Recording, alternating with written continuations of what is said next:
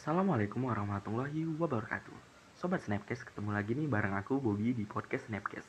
Dan temanya kali ini kita akan membahas tentang yang lagi rame-ramenya saat ini Yang lagi booming, trending, dan viral. Untuk itu tetap di podcast Snapcast.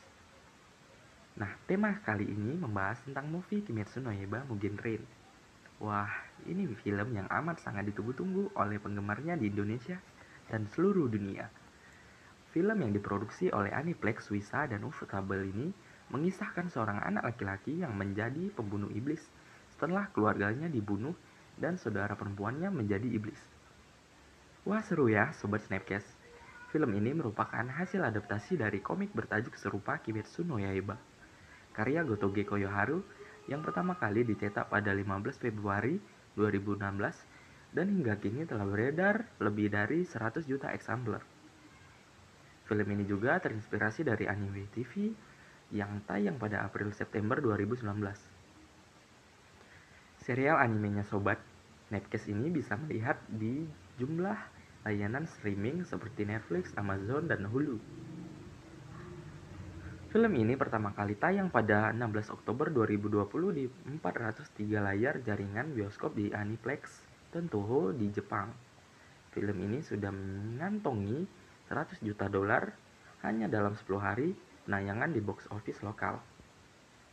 Sambutan hangat tak hanya diberikan oleh Jepang, film ini juga meraup untung hingga 710 ribu dolar Amerika dari box office Taiwan serta Hong Kong yang kini masih menghitung catatan box office selama satu pekan. Wah, luar biasa. Pada pekan kelima penayangan di Jepang, Film ini telah meraup untung sebesar 1,4 juta dolar dari penjualan di 38 layar IMAX. Diperkirakan total keuntungan bertambah menjadi 230 juta atau sekitar 24 miliar yen. Wah. Mantap ya sobat. Untuk itu, film ini film ini Kimetsu no Yaiba Mugen ini di posisi kelima film Jepang terlaris sepanjang masa setelah film Spirit Away 2001, Titanic 1997, Frozen 2014, dan Kimi no Nawa 2016. Wah, gimana nih sobat? Snapcast tentang film Kimetsu no Yaiba Mugen Train seru banget ya kayaknya.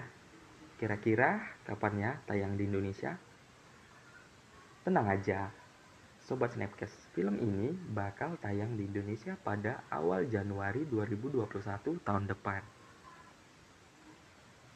Oke Sobat Snapcast, tidak terasa nih waktu kita pada kali ini sudah habis. Dan bagi kalian Sobat Snapcast, jangan lupa untuk mendengar episodeku selanjutnya. Akhir kata, aku pamit. Terima kasih banyak. Assalamualaikum warahmatullahi wabarakatuh.